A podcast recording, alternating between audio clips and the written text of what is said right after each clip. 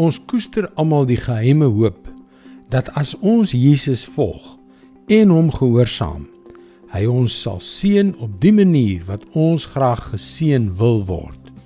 Ons wil gesond, ryk en wys wees. Ja, dit is tog mos wat ons toekom. Hallo, ek is Jockey Gouchee vir Bernie Diamond en welkom weer by Vars. Maar iewers diep binne in ons is ons bang dat dit nie so sal uitwerk nie dat slegte dinge nog steeds sal gebeur en dat al daardie harde werk om Jesus te volg te vergeefs was.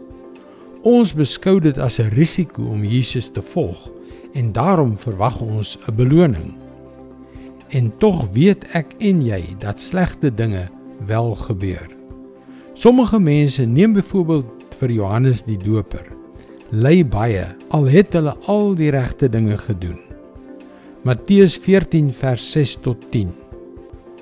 Met Herodes se verjaarsdagviering het die dogter van Herodias voor die gaste gedans.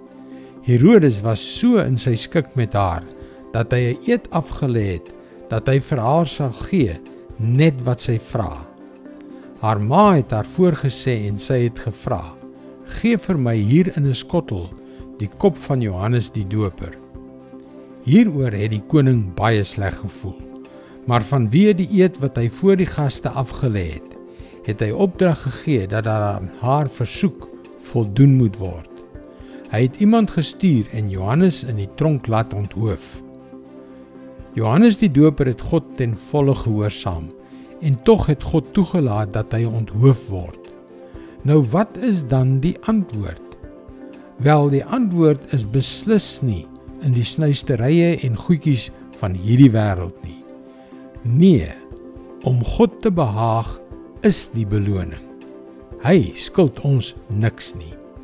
Dis sy woord vars vir jou vandag. Om God te behaag is soveel kosbaarder as al die snuisterye wat hierdie wêreld bied. Dis hoekom jy gerus na ons webwerf varsvandag.co.za kan gaan om in te skryf om daagliks 'n vars boodskap in jou e-posbus te ontvang. Wanneer jy inskryf, kan jy ook die gratis e-boek Hoe God 'n donkie soos ek kan gebruik ontvang. Luister weer môre na jou gunstelingstasie vir nog 'n boodskap van Bernie Diamond. Seënwense en mooi loop.